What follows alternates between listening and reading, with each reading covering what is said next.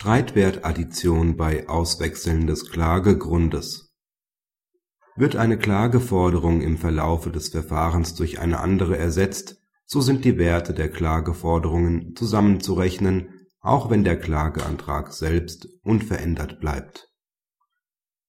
Der Kläger hatte einen Betrag in Höhe von insgesamt 12.660 Euro vor dem LG eingeklagt die Ansprüche hat er in Höhe von 11.680 Euro aus Geschäftsraummiete und Darlehensvertrag hergeleitet und zu weiteren 800 Euro aus Wohnraummiete.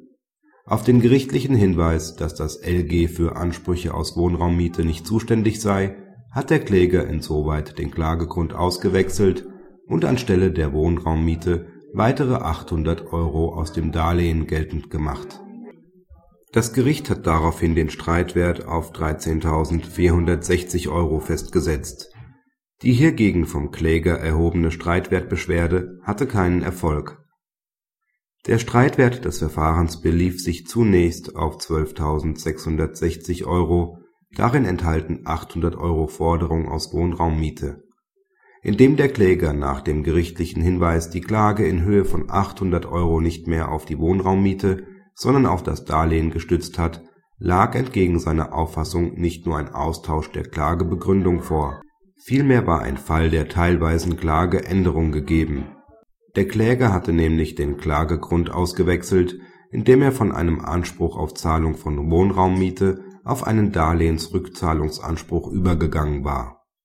Dass sich der Klageantrag selbst nicht geändert hat, ist insoweit unerheblich die Ansprüche auf Zahlung von Wohnraummiete und auf Darlehensrückzahlung sind verschiedene Streitgegenstände. Folglich ist § 39 Absatz 1 Gerichtskostengesetz anzuwenden, wonach die Werte verschiedener Streitgegenstände zu addieren sind. Dabei ist unerheblich, ob die verschiedenen Gegenstände zeitgleich geltend gemacht werden oder wie hier sukzessive. Praxishinweis zu beachten ist, dass die Wertaddition zunächst einmal nur für die Gerichtsgebühr und die anwaltliche Verfahrensgebühr gilt.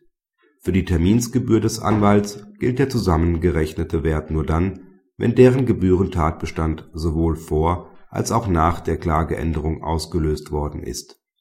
Findet ein Termin erst statt, nachdem die Klage geändert worden ist, dann berechnet sich die Terminsgebühr nur nach dem geringeren Wert, was hier der Fall war die Terminsgebühr war also lediglich nach dem Streitwert von 12.660 Euro zu berechnen